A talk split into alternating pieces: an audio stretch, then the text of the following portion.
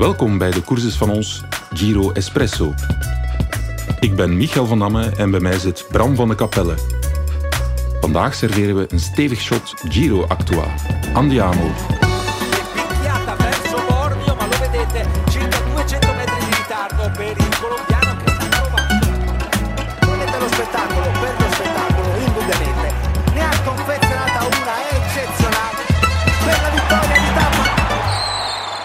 Welkom bij Giro Espresso, het Actua shot van de koers is van ons, de wielerpodcast van het Nieuwsblad in samenwerking met Skoda. Bij mij in de studio zit wielerreporter Bram van de Capelle. Dag Bram. Michael, Jij komt van Saventem. ja, ik was eh, twee dagen op de Sierra Nevada voor een reportage voor later in de krant. Een soort van hoogtestage ook persoonlijk. Je bent in vorm, veel rode bloedlichaampjes. Eh, ja, Oké, dat belooft. Goed, eh, we pakken straks met Bram de hete hangijzers van deze Giro vast en bellen de hotline van onze man ter plekke Maarten Delvo. En het loont zeker en vast straks de moeite om extra goed te luisteren naar de boodschap van onze sponsor Skoda. Want we mogen van hen een VIP-duo-ticket weggeven voor de komende Tour de France, alstublieft. Maar eerst ga ik naar goede gewoonte in amper één minuut een bewogen Giro-tiendaagse samenvatten voor wie zich de voorbije dagen in een bos zou hebben verschanst. Hier gaan we Andiamo. Remco Evenepoel is ver teruggezakt in het klassement op 1 uur 3 minuten en 12 seconden van Bernal. Er was ruim 2 minuten tijdverlies in de grindetappe, anderhalve minuut op de Monte Zoncolan en ruim 24 minuten in de ingekorte koninginrit maandag. En vandaag heeft hij het helemaal laten lopen. Intussen is Almeida de beste man bij de Koning Quickstep op de achtste plaats. Bij Lotto Soudal is het na Ewan en de Buist opgaves blijven regenen. Onder meer de Gent stopte met, jawel, kniepijn. En zo heeft Lotto nog twee renners in koers. Bernal had de Giro stevig in de hand tot vandaag. Hij won twee etappes op Campo Felice en de ingekorte koninginrit maandag. Maar op Sega di Ala kende hij een eerste moment van zwakte na een aanval van Simon Yates. Bernal draagt nog steeds het roze met 2 minuten 21 op Caruso en 3.23 op Yates. Het weer geestelde het peloton en vooral de vluchters waren aan het feest. Kampenaerts, zondag, die boekte een knappe ritzege. Verder wonnen Schmidt, Vendrame, Fortunato en vandaag Dan Martin. En, niet te vergeten, eindelijk na 11 tweede plaatsen niet solo. Bouchard draagt de bergtrui en Sagan de puntentrui. Ah, voilà, stevige brok. Bram, ik neem aan dat je nog heel wat kan aanvullen hè, op deze feiten. Vertel eens, wat is jou opgevallen allemaal?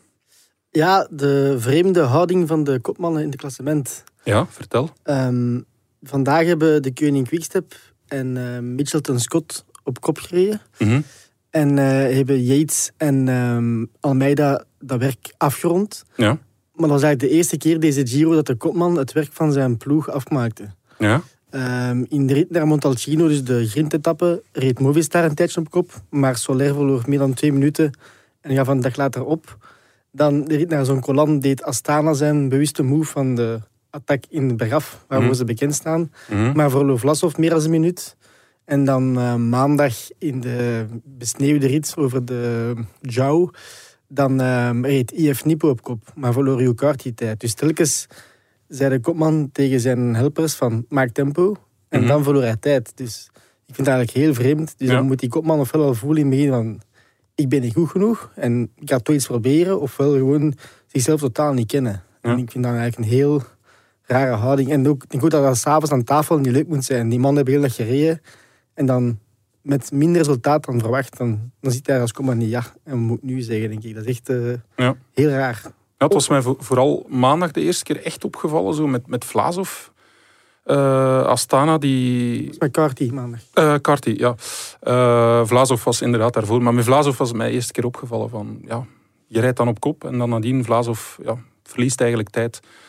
De enige verklaring die ik misschien kan hebben, is dat dat vanuit de teamwagen gepland is of zo. En dat ja, de kopman dan te weinig feedback geeft over hoe, hoe zij zich voelt of niet durft. Of, of, ja. Ja, of weinig zelfkennis. Ja. Ja. Dat hij denkt, ik ben wel goed en ik zou iets willen proberen. Maar dat, ja, ik denk, als je je ploeg laat werken en je hebt niet de leiderplaats, dan moet je echt super zijn. Dan moet je Mm. denken, ja, ik krijg alles kapot. Dan Mm. kan je zeggen, oké, we doen een move. Maar nu doen ze een move en ja, het resultaat is nog minder dan voor de etappe. Dus ik vind, snap er eigenlijk niks van. Maar vandaag hebben ze de vloek doorbroken bij de Koning Quickstep en eh, Mitchelton Scott. Ja, inderdaad. Eh, Brad- Mitchelton, ja. Dat is Team Bike Exchange. Ja, die veranderen nogal dikwijls eens van naam.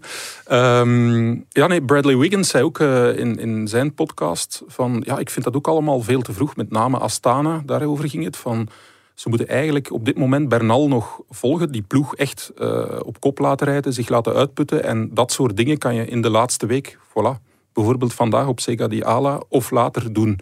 Maar hij vond het sowieso ook te vroeg om, om, om dat soort moves eh, te gaan doen. Vind jij dat ook? Of? Ja, dat is... Ik weet niet van waar dat komt. Is dat in de bus afgesproken? Is dat een moment van ingeving van ik ben goed? Ik, ik snap het eigenlijk niet. Ik had het graag eens willen vragen, maar ik ben er niet. Ja. Misschien is voor onze collega Maarten Delvaux straks, als Ja. we hem aan de lijn krijgen. Ja. Maar ja, ik vind het eigenlijk onbegrijpelijk. Ja. Ehm, Het is ook knullig. Hè. Het is knullig gewoon. Hè. Je rijdt op kop en dan je kopman verliest tijd.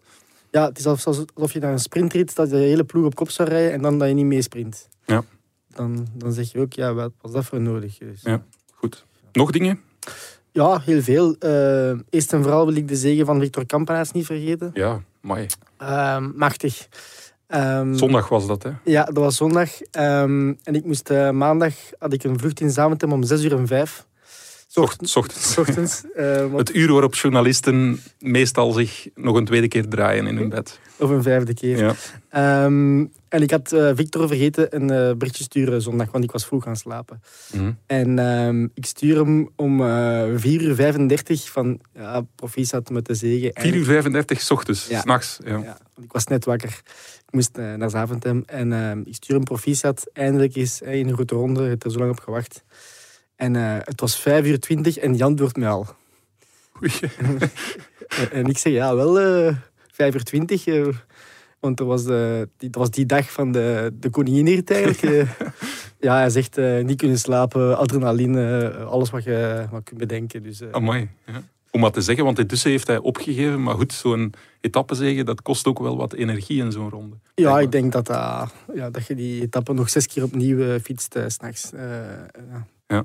Maar je moet eens beschrijven, want hij was weg met Riesebeek. En normaal gezien verwacht je, de voorsprong was niet zo groot, dat men toch tot op een bepaalde hoogte probeert samen te werken. Eventueel is één iemand demareert, maar vaak is dat dan het einde van de samenwerking. Maar ze bleven maar demareren. Dat was onwaarschijnlijk. Ja, het is toeval, maar ik, ehm, ik heb dus, ehm, wanneer was het dinsdag, heb ik eh, Wout van Aert gezien op de Sierra Nevada. Ah, oké. En ik had gezien dat hij had getweet van Grande, Grande Victor of Grande Campione. Mhm. En ik vroeg, wat vond je van die etappe?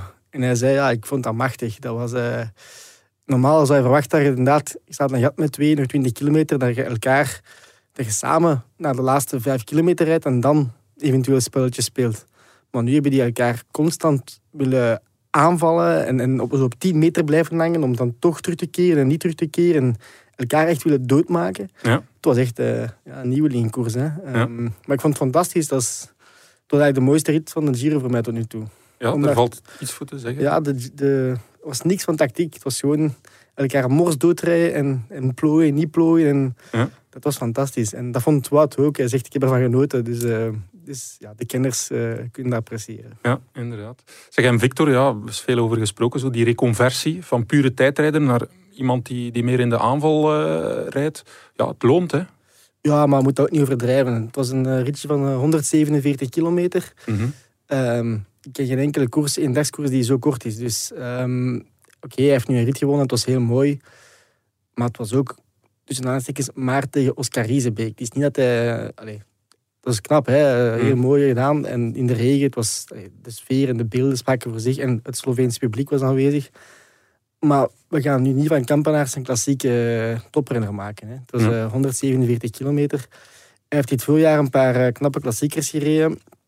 Maar ook vooral met tv-attacks, zoals dat noemt. Aanvallen van heel veel van de meet. In beeld rijden en toch binnenkomen bij de eerste 50 is heel knap. Maar dat is niet snel als een finale rijden in een koers van 250 kilometer of boven 200 kilometer. Dus ja, hij heeft nog veel werk aan de winkel. En ik denk dat hij dat misschien nooit zal kunnen. Want Kampenaerts is een kei in ehm, alles uit zijn carrière halen. Want dat heeft hij nu ook gedaan. Hè? Ja. Ja, hij heeft er nu, heeft nu Op zijn palmarès staat de ritzege in de Giro. Fantastisch. Zeker een chapeau. Want het is eigenlijk een renner, het is niet qua talent, is het, is het geen wereldtopper. Mm. Nee. Maar hij heeft zich een topper gemaakt door zo keihard te werken en dicht, eh, zoals hij zegt, eh, aan te passen aan de omstandigheden. Mm. Maar hij heeft niet die motor om een finale van, eh van Holland-Vlaanderen te rijden. Dat mag je vergeten. Uh, Alle wiel van- de wereld, maar Ja. dat zal nooit niet lukken. Maar toch, ja, knap. Maar ik zeg erbij, het blijft maar 147 kilometer. Hm. Dat is eigenlijk zeer kort. Teer jij vooral op talent of hard werken? Als journalist. Is dat een strikvraag? ik weet het niet, hè. ik vraag het.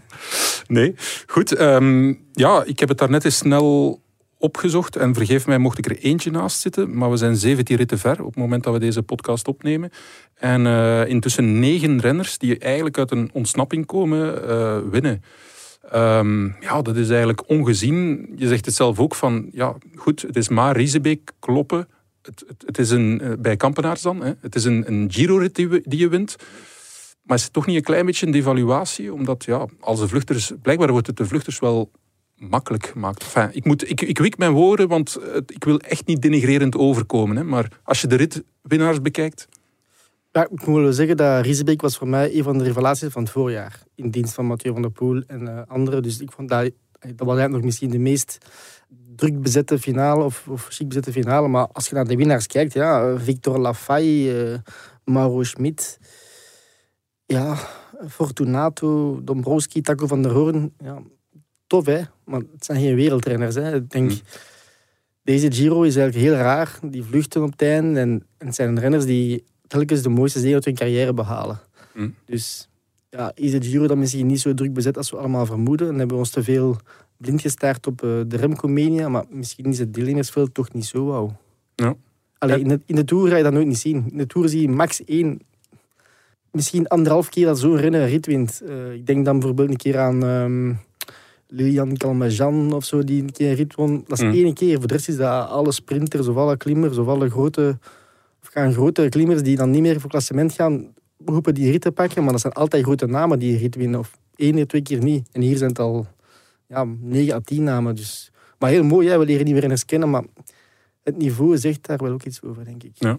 Maar uiteindelijk zei ja, op, je palmarès staat een Giro-etappe. Dus eh, slim gezien dan, of, of een goed moment. eh, en misschien ook ja, voor die renners ja, goed dat ze, dat ze dat moment genomen hebben. Hè. Ja, tuurlijk. eh, binnen tien jaar weet niemand dat. Nee. Hetzelfde met Jasper Stuyven wint Milan Sanremo. Hij heeft in de finale wel geluk gehad dat de rest naar elkaar keek. En Ja. dat dan Sjönkaj Andersen stilviel en dat Wout van Aert niet kon. Maar binnen tien jaar weet niemand dan hoor, dat, dat hij daar een beetje geluk heeft gehad. Je moet het afdwingen. En, ja. En we hebben natuurlijk eh, op een bepaald moment toen Bernal de roze trui pakte, is Ineos beginnen rijden. Maar waren niet zoveel ploegen. Nu begint dat wat meer, maar die, die, die echt reden hè, in het peloton om, om de vluchters eh, terug te pakken. Nu is de Koning Quickstep vandaag ook eh, zich gemanifesteerd.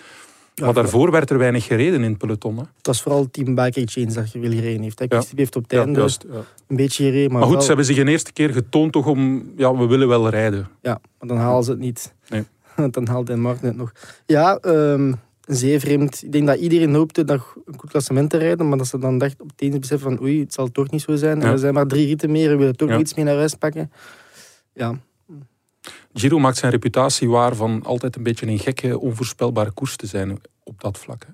ja ik denk eh, dat tot eh, deze namiddag iedereen dacht dat eh Egan Bernal met de vingers in de neus zou winnen. Maar ehm, hij is nog belangrijk niet thuis. Nee. Ehm, doe mij een beetje denken, ik ben niet origineel hoor, maar ehm, aan de Giro van 2018, die eh Froome won. Mhm.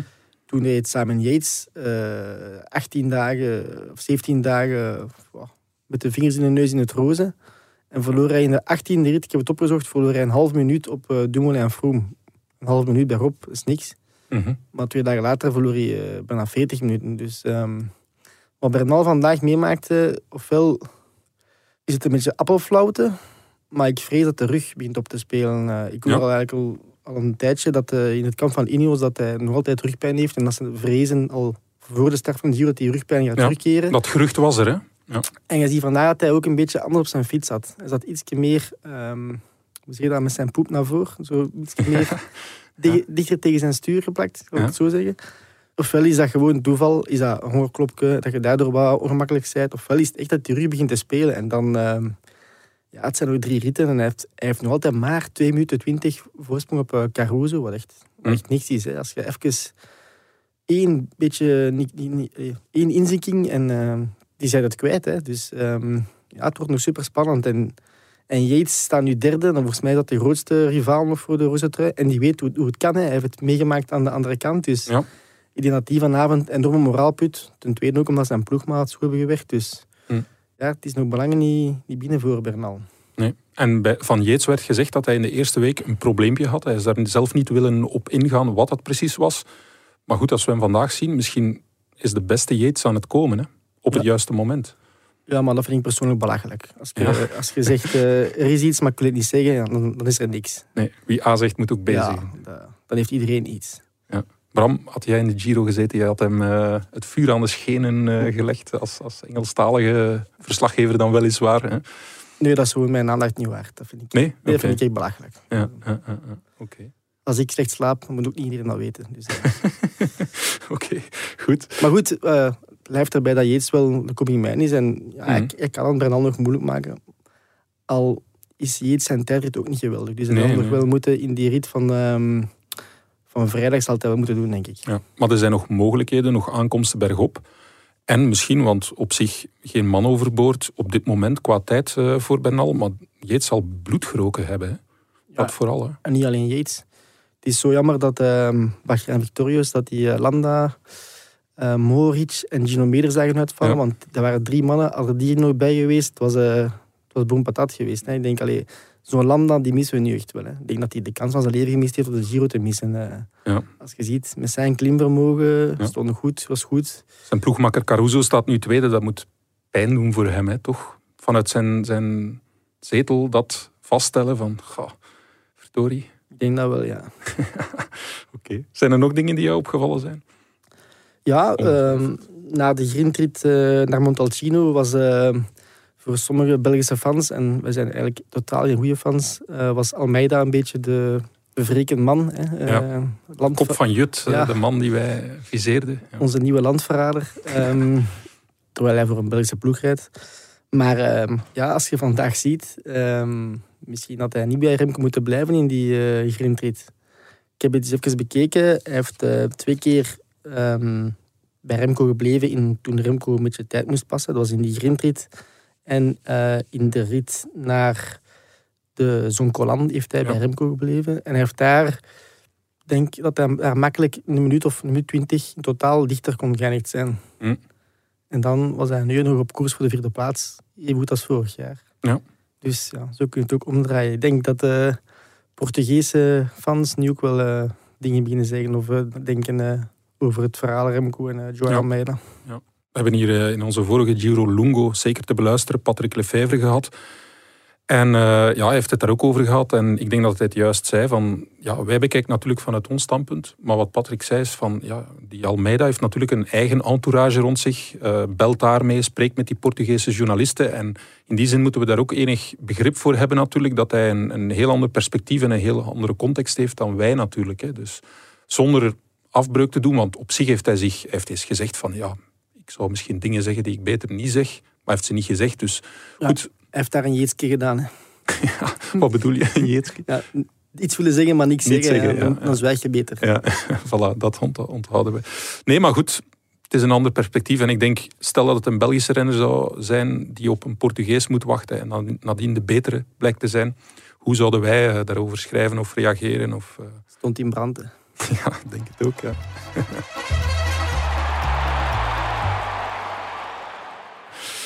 Goed. Ehm, ja, Almeida hebben we gehad. Zijn er nog dingen?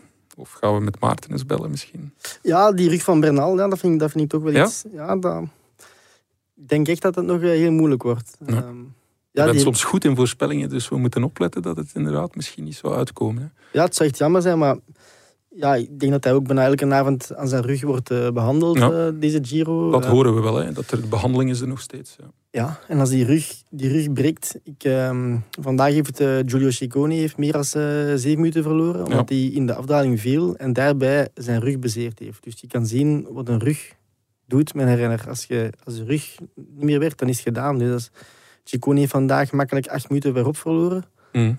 Ja, als Bernal zijn rug een keer wat kraakt, dan kan het ook rap gedaan zijn. hè. Als je vanuit die onderrug geen, geen macht kan zetten op je, op je pedalen, dan Ja.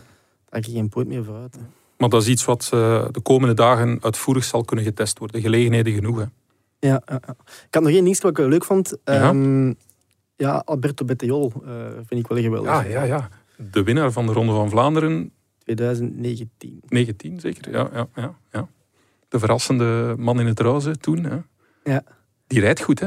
Ja, hij is een beetje de Van Aert van de Tour van vorig jaar. Ah bon, ja. Ja, klassieke renner die bergop super goed, goed rijdt. eh. Ja. Ik denk dat Hugh Carty is dan altijd eh, vijfde, denk ik. Die mag hem op zijn blote knieën bedanken. Want Ja. vandaag heeft Betul op hem gewacht. Die Ja. Grintreed, eh, Je zag hem kijken hè, naar Hugh Carty. Kan je niet meer? Je bent toch de klimmer? Je bent toch de kopman? Oh. Ongelooflijk. Het is een beetje zoals Van Aert vorig jaar met, met Dumoulin, dat hij ook moest wachten op Dumoulin soms. En dat hij, Ja. dat hij toen Bernal naar huis reed en andere klimmers. ja. Bettiol kan rapper. Ja. Ik vind dat heel tof om te zien dat hij ehm, na een redelijk zwak voorjaar toch ehm, ja, terug boven water komt. ehm. En van waar dus voor zijn ploeg. Ja. ja, dat is in Italië wel zijn land ook. En, Mhm. maar dat maakt wel het verschil, denk ik, in die ploeg momenteel. Oké, goed. Goed, we gaan straks met Maarten Delvaux bellen, als, als goed loopt tenminste, onze man in de Giro. Maar eerst gaan we naar goede gewoonte luisteren naar een boodschap van onze sponsor Skoda. Onze trouwe luisteraars die weten het al, Skoda is historisch vergroeid met het fietsen en vandaag niet weg te denken uit de koers, onder meer als sponsor van de Tour de France, de Vuelta, maar ook van deze podcast, waarvoor dank. En als wagenleverancier van verschillende teams. En ook onze reporters van het Nieuwsblad, die rijden al jaren met een Skoda in de Tour. De vraag gaat dan ook over het partnership van Skoda met de Tour de France. Goed luisteren. De prijsvraag luidt: Sinds wanneer is Skoda de officiële partner van de Ronde van Frankrijk? Dus sinds wanneer is Skoda de officiële partner van de Ronde van Frankrijk? En daarmee kan je dus een VIP-duo-ticket winnen voor de Ronde van Frankrijk.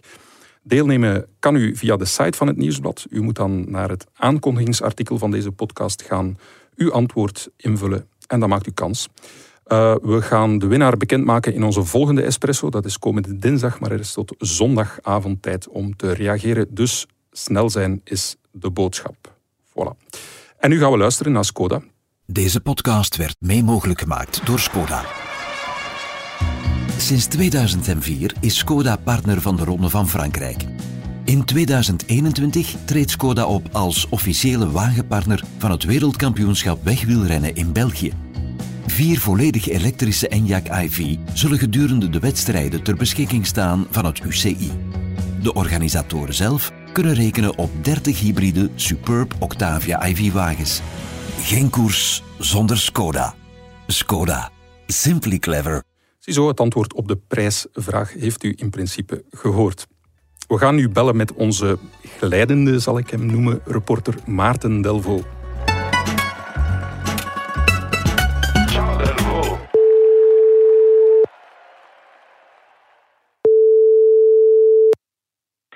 Met Maarten Delvaux. Dag Maarten, met Michael uit de studio in Antwerpen. Hey, dag Michael. Goedenavond bel- ondertussen. Ja, inderdaad. Zeg, ik heb jou net eh, glijdende reporter genoemd. Dat heeft alles te maken met jouw avontuur van de tweede rustdag. Wat heb jij allemaal uitgestoken? Ja, dat, dat valt onder de noemer eh, slechtste idee op een eh, Giro-rustdag ooit. Ehm, ik ehm, zat in een hotel ehm, met zicht op de Passo Giao, de, de helling waar eh Evenepoel eh, maandag 24 minuten verloor. Mhm. En het was eh, prachtig weer en die Passo Giao lag te blinken en ik was daar nog niet geweest. Dus ik dacht, ah, ik ga hem eens oprijden, dan heb ik dat eens gedaan. Dan heb ik dat op zelf ook eens gezien hoe dat, dat eruit ziet. Met de auto, hè, voor alle duidelijkheid. Ja, met Ja, de auto. Er zijn misschien wel journalisten die zoiets met de fiets zouden proberen, maar dat is echt absoluut niet aan mij besteed. Mijn fysieke capaciteiten zijn daar niet goed genoeg voor. Ja. Dus ik, eh, ik nam de auto prachtig weer eh, beneden. Ehm, en ik dacht, ja, ik ga eens een keer kijken, selfie nemen eh, bij het bord, et cetera. Maar des te hoger ik kwam en des te dichter bij de top, des te slechter het weer. En op een, ja, mijn GPS zei nog 300 of 400 meter rijden, kwam ik in een verschrikkelijke sneeuwstorm terecht. Ik zag geen twee meter voor mij. De, ja, de weg was helemaal besneeuwd. Ik, ik zag ook zelfs niet meer waar de weg was. En ik begon echt te schuiven tot en met. Ik ben op 200 meter van mijn doel moeten terugdraaien.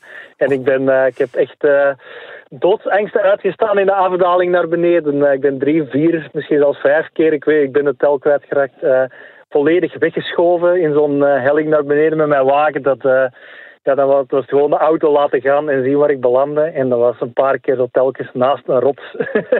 Eh, maar het, eh, ik ben heel hard beneden geraakt. eh met knik in de knieën, lijkbleek. En eh, Ik ben veilig in mijn hotel gebleven de rest van de dag. Ja, Maarten, als het een troost mag zijn, ik heb uh, twee jaar geleden in de Giro eens een één uur lang een interview met Ilnur Zakarin gedaan met een Russische tolk en dat is nooit verschenen. Dus uh, dat is ook een uh, ah. verspilde energie. Okay. ja. ja, voilà. Dus ja, dat is bijna even erg. Misschien wel erger, ja. ja. Dus ik onthoud de reporters van het Nieuwsblad woekeren met hun krachten in de Giro.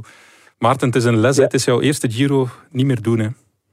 Ja, nee, meestal, ik haal wel eens uh, stomme fratsen uit, maar dit, was, dit kan toch wel in de top 5 van uh, blunders. Ja.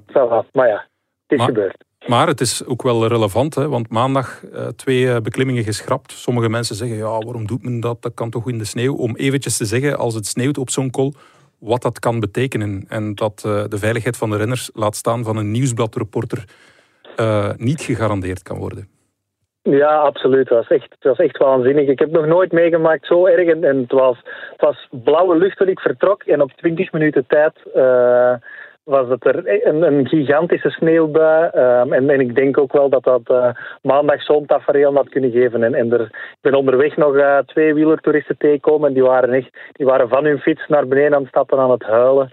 Uh, dus uh, ja, best dat er, dat er af en toe eens iets geschrapt wordt. Ik, ik kan dat begrijpen vanaf nu. Die mannen zijn nog steeds vermist waarschijnlijk. Waarschijnlijk was ieder voor zich, sorry. zo kennen we jou. ja. Nee, zeg, dit is een Actua-podcast. En zoals dat gaat in Actua-podcasts, we nemen deze nu vandaag op woensdag op, woensdagavond. Uh, Maar ja, kan alles continu veranderen? Ik heb begrepen dat je net aan de bus van de Koning Quickstep hebt gestaan. Ik zei daarnet ja. nogal makkelijk van, ja, Remco heeft vandaag laten lopen, maar ik zag dan ook beelden van hoe hij over de meet kwam met uh, ploegmakkers uh, gesteund. Hij is vandaag ook gevallen. Dat zag er niet echt uit alsof hij het zomaar laten lopen heeft.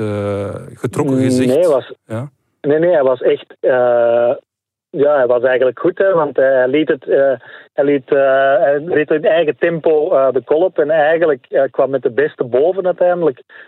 viel dan zwaar in de afdaling over de vangrail wel. Dat deed helaas terugdenken aan die, die zware valpartij van, van vorig jaar, de Ronde van Lombardije. En um, hij is uh, met een uh, heel dikke gezwollen elleboog over de streep gekomen. En ik heb hem opgewacht aan de bus van de Koning Quickstep. En dat was, echt, dat was uh, helemaal beneden in het dal. Dat is 18, 20 kilometer dat de renners nog naar beneden moesten met hun fiets. En de renners druppelden stilletjes aan allemaal binnen. En ik denk dat ongeveer heel het peloton binnen was.